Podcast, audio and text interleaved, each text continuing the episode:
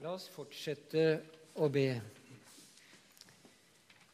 Vi takker deg, Herre himmelske Far, for at du ved din ånd samler oss, drar på oss, og at du også er i stand til å åpne oss og gi oss del i nytt liv.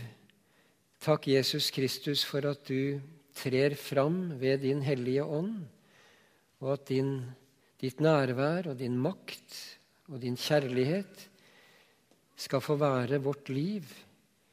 Vi ber om at du nå, når vi er sammen her, at du vil være til stede og gjøre din gjerning, så vi kan leve som ditt folk, bli fylt av din ånd, og at du, Herre, kan få din vilje med oss.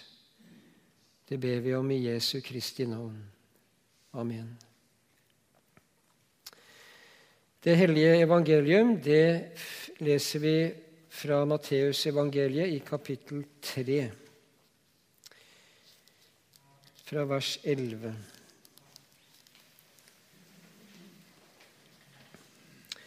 Og det er um, døperen Johannes som fører ordet i det vi leser.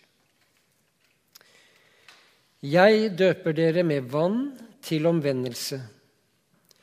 Men han som kommer etter meg, er sterkere enn jeg, og jeg er ikke verdig til å ta av ham sandalene. Han skal døpe dere med Den hellige ånd og ild. Han har kasteskovlen i hånden og skal rense kornet på treskeplassen. Hveten sin skal han samle i låven, men agnene skal han brenne opp med en ild som aldri slukner. Hellige Far, ditt ord er sannhet. Hellige du oss i sannheten. Amen.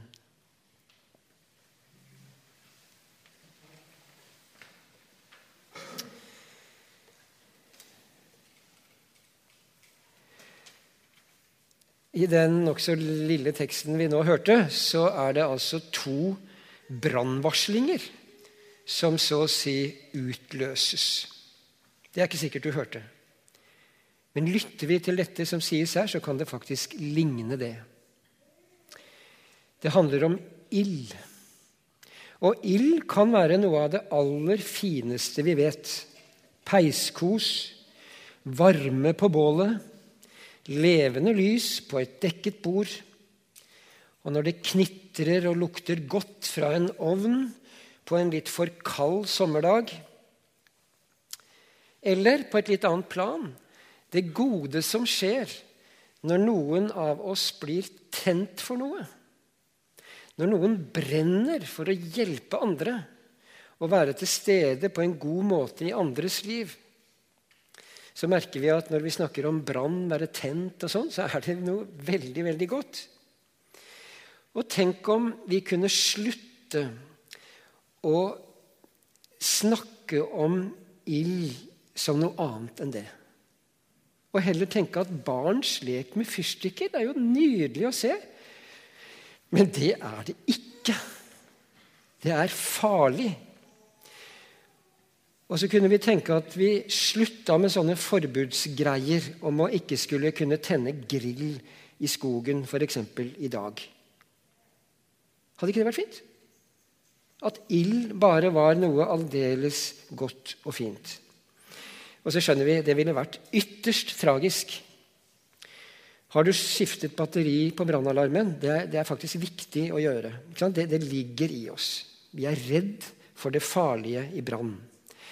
Men det er altså enda mer tragisk om vi bare skulle snakke om Gud som kjærlig, varm, og på en sånn måte at det å snakke om Gud, det skal alltid føre til at det blir litt bedre å være meg.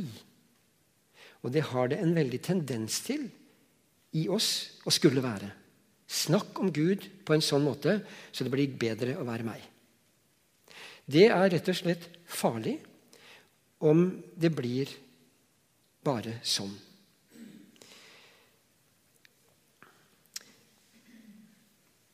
Å ikke snakke om den hellige Gud som reagerer reagerer med sin hellige Vi kan ikke helt forstå hva som ligger i det engang. Vrede mot all urett og all synd som vi eh, mennesker, menneskeheten, eh, bærer med seg og står for. Og den ild som Gud skal tenne til evig dom. Det er ikke hyggelig, men det er helt nødvendig at vi får tak i den realiteten at vi står overfor en ild som er forferdelig farlig. Og Vi møter det her. Den ene Og det kan vi ikke kalle brannalarm, da, fordi det her var faktisk ganske godt. Det ene handler om Han skal døpe dere med Den hellige ånd og så kommer det, og ild. Og Det handler om at Jesus altså skal tenne i oss en brann som er noe veldig, veldig bra. Det skjer noe med oss som gjør at en ny kjærlighet stadig får taket på oss, brenner i oss, og, og et håp får tak i oss, så det virkelig blir lyst å se framover. Og det brenner en flamme. Og dette er godt. En flamme i livet ditt som gjør at du hele tiden, daglig, faktisk blir renset. Ren. Det brenner ut, det som er ødeleggende og dårlig. Det er den ene brannen som vi nå hører om. Han skal døpe dere med Den hellige ånd og ild. Det andre konfronterer oss altså med den kommende dom.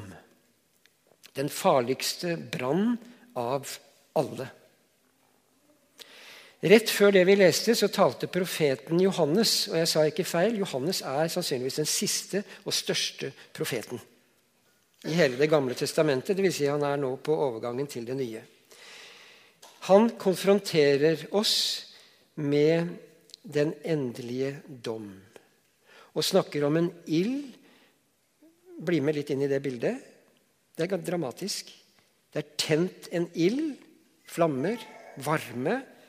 Og så et eller annet sted i dette landskapet så ser vi for oss frukttrær. Store, gamle kanskje. Grønne, frodige, flotte. Men veldig mange av de har ikke frukt.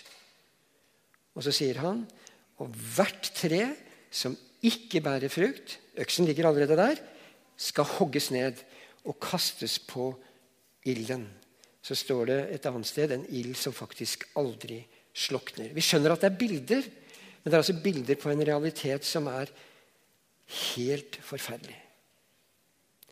Det sier Johannes, eh, som blir kalt døperen, og som kunne faktisk det lyder litt rart, vært kalt dypperen. Jeg skal komme litt tilbake til det. Dypperen, døperen Johannes, eh, sier dette til Sadukere og farisere. Disse folka kjenner ikke vi. Men det er altså folk som hørte til Guds menighet på en sånn litt selvfølgelig måte. De visste at de var der, de visste at de var Guds folk. De praktiserte med et sånn passelig klokt alvor eh, det som var Guds vilje etter deres egen tanke, og de var skikkelig innafor. Til dem er det Johannes sier det om et tre som ikke bærer frukt. Og han skrur altså, eller lar brannalarmen så å si gå. Det er alvor.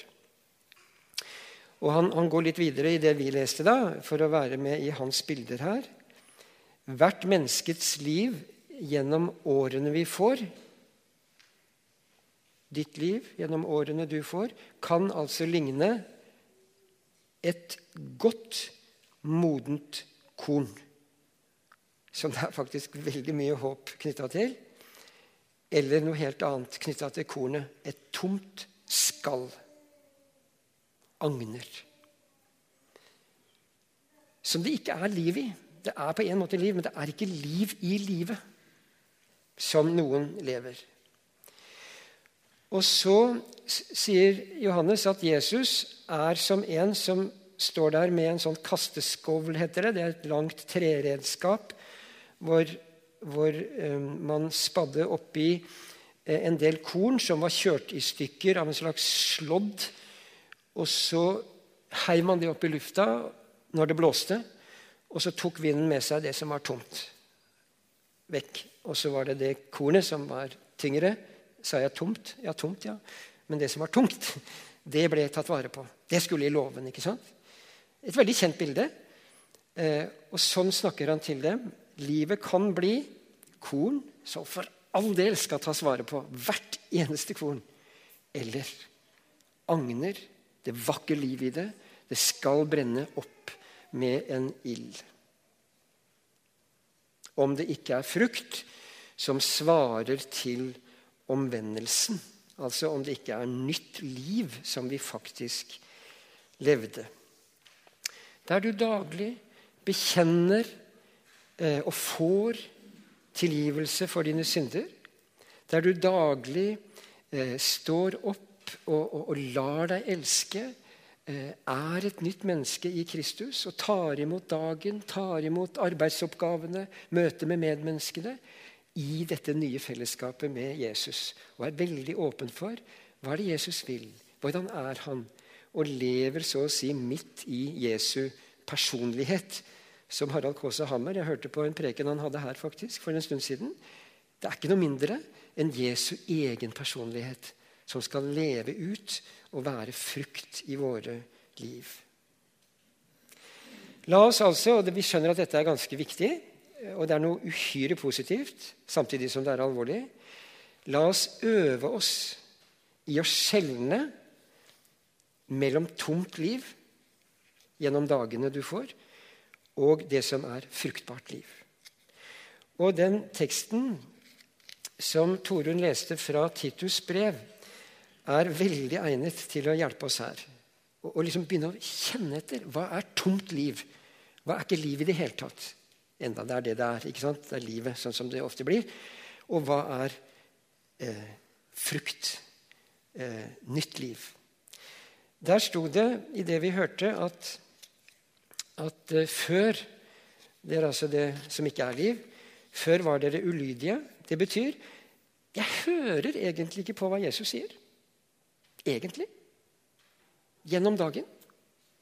Jeg er fylt av helt andre ting. Da lever vi i ofte en faktisk ulydighet. ikke sant? Vi er ikke, vi er ikke opptatt av hva med han oppi det jeg lever i. Det er det gamle livet. Det skjer. Eh, men det skal dø. Det, det, skal bort. Det er tomt, det livet som skjer i ulydighet.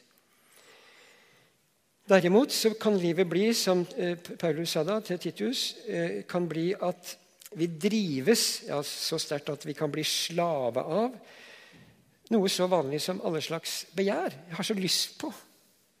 Og lyster. Begjær og lyster. Det der skal vi kjenne igjen når livet, deler av dagen, blir preget av det. Det er tomt liv. Det må vi så å si bli kvitt, eh, enda det er der. Og det kan tilgis. Og så minner han om at det gamle livet preges av å bli hatet og hate hverandre. Det er litt sterkt ord, men hvis vi tar det litt ned, da, så kjenner vi det kanskje igjen. At mye av livet handler om å kjenne at 'jeg er ikke ordentlig likt'. Og det er litt farlig. Og så liker jeg ikke heller en del andre. Og så blir livet ofte i en sånn spenning. Er jeg likt godt nok? Nei, jeg er ikke så godt likt. Og så, og så kverner vi mye rundt den type ting. Og så er det veldig mange andre vi skyver litt fra oss fordi vi ikke liker dem. Gamle livet. Kjenn etter hva som er i ditt liv fra dag til dag når det gjelder dette. I motsetning til Og så kommer det nye, eh, hvor Paulus sier og når dette tar oss, så skjønner vi at dette er et helt annet liv fra dag til dag. Hvor god vår Gud og frelser er. Ja, Det er noe helt annet å bare åpne seg for det fra dag til dag. Hvor god Gud er som frelser. Han redder. Han tar seg av hele prosjektet meg og deg. Og bærer oss og renser oss og tilgir oss og elsker oss. Hver dag, når dette livet liksom får tak i oss, det er nytt liv. Det er fruktbart liv. Han elsker menneskene, sto det. Hørte vi? Det betyr at han elsker deg, og han elsker de andre. Også de du har en tendens til å ikke like så godt. Så tar du inn det isteden. Og, og lever i det, rett og slett. Fordi Gud elsker sånn. Og så toucher han det der som blir ofte litt vanskelig for oss. Ja, men hvordan skal det skje? At jeg kjenner meg som elsket og frelst fra dag til dag. For det gjør nemlig noe med deg. Så sier han ikke ved at du gjør rettferdige gjerninger. Det er litt rart, for det er jo frukt vi skal bære, og det er ganske rettferdig. ikke sant? Nei da, det er ikke det som gjør det at vi elskes av Gud. Eh, så vi kan altså slippe å skulle anstrenge oss Dette er viktig. Vi skal slippe å anstrenge oss for å være verdige for Gud. Det blir vi aldri. Og Det prosjektet kan vi gi opp. Overfor Guds ansikt skal vi aldri liksom hente inn et eller annet som gjør at ja, ja, kanskje jeg er kristen nok til at dette går bra. Det er aldri sånn det er.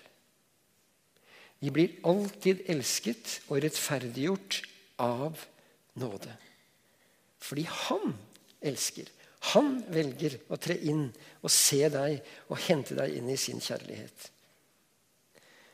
Og Han minner rett og slett om, for at det skal bli sånn skikkelig ettertrykkelig for oss, hvordan det faktisk skjer. Grunnleggende og egentlig i fortsettelsen det skjer ved dåpen. Og Da kommer dette med å, at dåp egentlig handler om noe ganske dramatisk.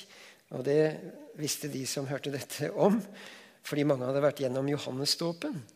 Og Det var en dåp hvor man rett og slett ble dyppet ned i elva. Og Jeg gjetter på, jeg vet jo ikke det, da, men jeg ser for meg at Johannes for han var en tøffing på mange måter der han hadde levd så nær Guds hellighet og konfronterte folk, at han holdt folk en god stund under. Så det ble litt skummelt, det hele. Og så ble de reist opp fra vannet. Eh, og så var det syndenes forlatelse som var realiteten. Men det derre å bli, bli døpt handler i de kristnes liv om å bli så å si druknet sammen med Kristus i hans død. Så alt vårt gamle får sitt oppgjør gjennom det. Og så reises vi opp til nytt liv i Kristus. Sånn skjedde det. Og jeg tror han minner om det, for han sier for, dette gjenfødelsens bad som fornyer ved Den hellige ånd. Det høres ut som vi faktisk skal leve i dåpen hele tiden. Og Luther bruker et nydelig, artig ord. faktisk. Han sier vi skal krype inn i vår dåp. Vet ikke hvorfor han bruker det ordet. Kanskje fordi det er å bøye seg. Jeg tror det bøye seg, bekjenne, være liten. Og, og, og på en måte entre dåpen. Og hvem er jeg i dåpen? Jo, jeg er knyttet sammen med Kristus. Hans død har skjedd. Min død har så å si skjedd. Og du er reist opp til det helt nye livet. Fred være med deg. Alt fortsetter. Kjærligheten, eh, fruktene og alt som hører Kristus til. Dag for dag skal vi prøve å skjelne, altså. Det var dette jeg prøver å snakke om nå. Skjelne hva som er hva i ditt liv. Hva som er av ånden, hva som er av for å bruke Paulus sitt ord, hva som er av kjøttet. Det betyr begjæret, det at jeg er mest opptatt av meg sjøl. Og det er, og det kan vi ofte kjenne seinere, på kvelden ofte, at noe i dag var av en sånn art. Det var ikke liv i det. Jeg var simpelthen mest opptatt av å berge meg sjøl i møte med et annet menneske f.eks. Andre ganger kan vi oppleve hm, dette ble underlig. Dette er en gave. Jeg møtte et menneske. Det var kjærlighet i sving. Eh, og du fikk på en måte gi opp litt av deg selv. Og så merker du her er det frukt. Her er det godt liv. Legg merke til det. Og jeg mener det helt konkret. Det er veldig mange som har glede av å skrive ned en liten rapport hver dag med stikkord som bare du sjøl forstår, kanskje om hva var av kjøttet, hva var i ånden. Legg merke til det, for ånden er virksom, faktisk. Det er jo ikke ment som teori, dette her. Men vi lever i ånden eller i kjøttet. Og legg merke til og øv deg i å kjenne hva som er hva. Jeg døper, dypper dere med vann til omvendelse, sier Johannes og så kommer han og kom med noe veldig veldig viktig og avgjørende og, og alvorlig og sterkt. Eh, synd ble synd. Guds vilje gjelder. Eh, mennesker som lyttet til Johannes, de merket på en måte at oi, oi, oi, oi. Ikke sant? De kjente at livet mitt er jo helt ute av spor nå. Enda de var så inni det, og de var så med i menigheten. Og så, og så merket de, fordi Johannes, profeten, eh, forkynte Guds ord på en sånn måte at det slo inn. Og de kom i ganske stor nød. Eh, folk som hadde ordnet seg med penger på en ganske ukjærlig måte. Veldig mye viktigere at jeg får fortjeneste enn at du tjener på det. Den type ting, ikke sant? Som vi ofte er så glad i å få til. Gode kjøp. Og liksom, Det der med å få tak i penger merket folk. Oi, det der har skjedd på en urett måte så begynte det å løsne. Eller folk som hadde kjøpt seg flere klær enn de trang, og andre gikk uten nødvendige klær. Eh, fikk merke det. To kapper, og den andre har ikke kappe. Slo det inn, og så skjedde det ting. Fordi de kom i bot, og det var sterkt. Og de begynte nå nesten å danne menighet på dette alvoret. Men det skulle de ikke. Det er noe som er enda sterkere, sier Johannes. Og Når han skal til å si det, så blir han nesten sånn overveldet at han kommer nesten ikke videre.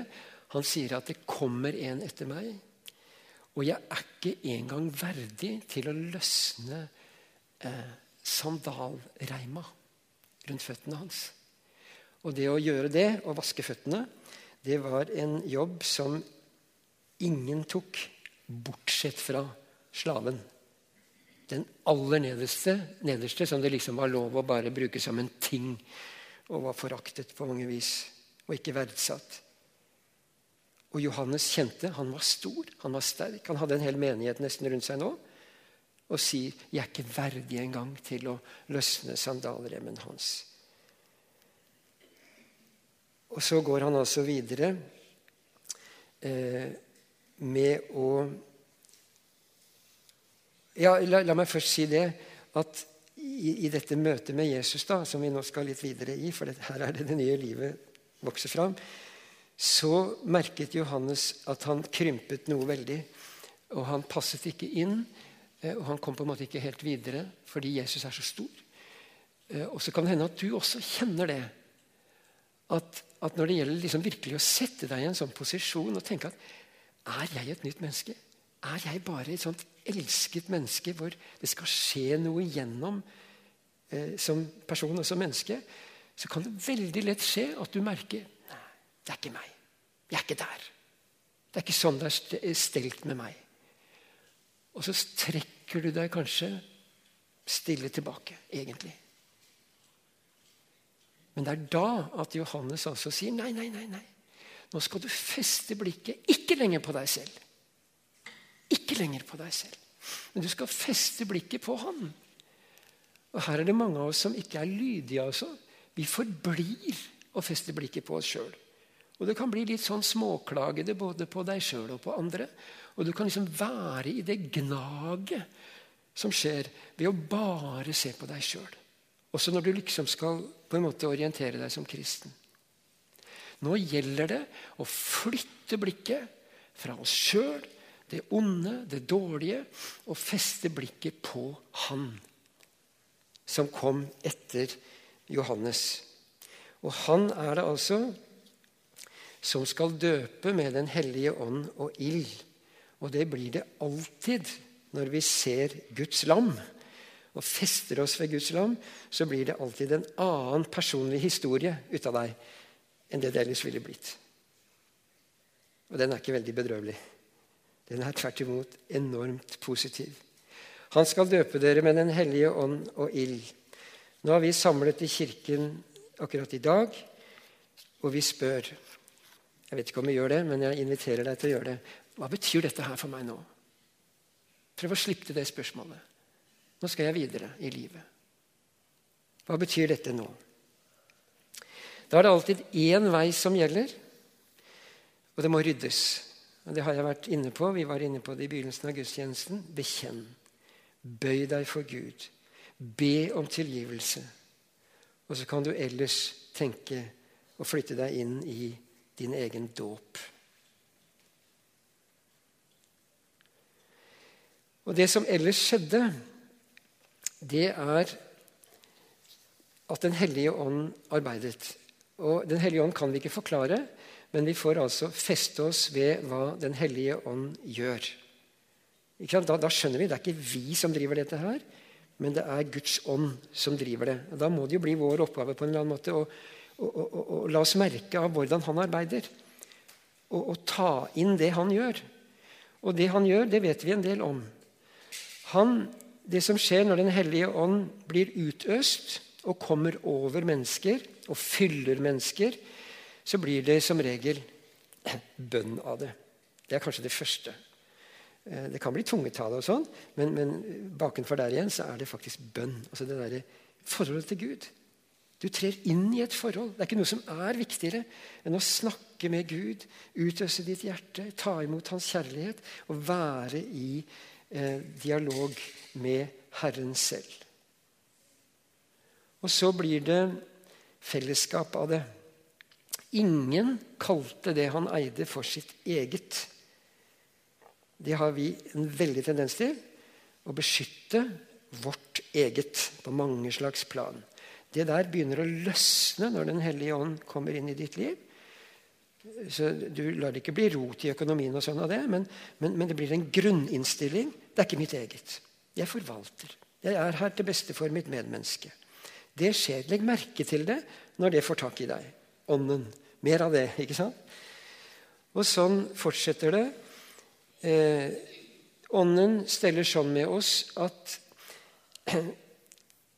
det største gjennom en uke, det blir å samles som vi gjør nå.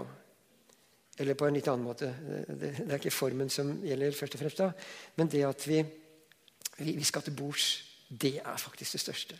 Vi skal til bords, og til bords vet vi at det skjer et salig, herlig bytte. Du får levere alt inn av deg sjøl, som Jesus tar. Han tar deg inn i seg, og så får du del i han. Ingen forstår det, men det er en kilde som aldri er til å tømme ut av glede, av oppmuntring, av begeistring over at Jesus steller med oss sånn. Det er klart vi kommer. Den hellige nattvær. Og appetitten på Guds ord. Det er typisk ånden. Appetitten på Guds ord blir stadig skjerpet. Ikke fordi du vil høre mye og sånn hele tiden, men du vil liksom ha, ha, ha kontakt. Hva er det du vil, Jesus? Hvem er du? Og så ta det med deg. Leve i det. Typisk åndens gjerning.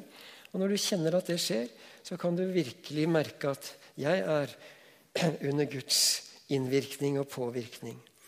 Og de kristne oppfatter seg sjøl ikke bare som en familie. Det, det, er de, men det blir også samtidig litt for svakt. Eh, de kristne oppfatter seg sammen som Kristi kropp. Og begynner å tenke på fullt alvor at nå skal det skje som skjedde gjennom Kristus, skal skje videre gjennom oss. Eller dere nå, da, her i menigheten. Som en sånn mentalitet. Kristus, vi er Kristi kropp. Hans godhet, hans gjerninger, hans måte å møte folk på. Sammen er vi noe som er sånn i verden som Kristus var, eh, og fortsetter da gjennom oss. Jeg fikk en telefon fra eh, langt borte fra en helt annen del av verden enn her en dag. Eh, det var et menneske, en kvinne, som bare måtte fortelle meg noe. Det hadde handlet om en historie av dårlige ting. Ekteskapelig, familiemessig. Veldig dårlige ting. År etter år. Og en forferdelig sorgfull ensomhet. Og både barn og ø, den ene ektefellen hadde det så vondt år etter år etter år. Og så ringte hun. Hun bare måtte fortelle det. Nå har han kommet og ber om tilgivelse. Denne kvinnen hadde ikke så lett for å sette ord på ting. Men hun måtte bare fortelle det. Og de hadde snakket om alt gjennom alle de årene. Og så spurte jeg etter hvert i den samtalen, som jeg ikke sa så mye i sjøl, tror jeg, men jeg spurte har du tilgitt også. Og hun sa bare 'Å ja', sa hun. Skjønner du at jeg kjenner varmen? Det er ild i dette her. Det er helt fantastisk. Og den historien var så stygg og så vond. Og så møter jeg altså et budskap som er så forløst. Alt ble tilgitt. Ånden, ilden. Og Mennesker som har Ånden, de bringer med seg en duft av Kristus i kontakt med andre. Det vi snakker om nå, da, det er altså merk deg hva Ånden gjør. Og så er det noe med at Ånden stadig, tror jeg, vil ha deg alene med Jesus. Det er ganske typisk at du får en lyst, et ønske, om rett og slett å lukke alt annet ute og bare være til stede for Han som elsker og bærer, og som lengter etter deg mer enn du lengter etter ham. Tilbedelsen, av og til tungetalen i bønnen. Bli i Kristus. Og du blir et menneske som får det samme forholdet til Gud som Jesus hadde til Gud. Som sa 'Abba, far', pappa, i dette kjærlighetsforholdet. I ånden blir du en ny skapning, en ny identitet. Hvem er du? Legg merke til hvordan du har lyst til å presentere deg sjøl. Ofte ved hva du har gjort. Og vi som er litt eldre, har lyst til å tenke tilbake på noe som var vellykka, håper vi. Og så er vi usikre på det som regel. Og så blir vi usikre på hvem vi er egentlig, fordi vi har ikke gjort nok ut av det. Nå er det noe helt annet som gjelder. Du er Kristi bror. Og du er medarvingen til Kristus. Og du er gjenfødt. Og du har altså en identitet som er aldeles på plass i det. Og hvor mye vi kan legge vekk av sånne ting som gjør oss litt sånn ja, mismodig. Sånn er ånden. Sånn arbeider ånden. Og jeg var i, var i Jeg har visst vært i nærheten av denne brannen flere ganger i det siste, merker jeg.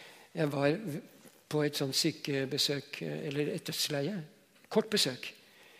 Og hun var veldig gammel, og det var veldig lite krefter igjen. Og hun hørte forferdelig dårlig.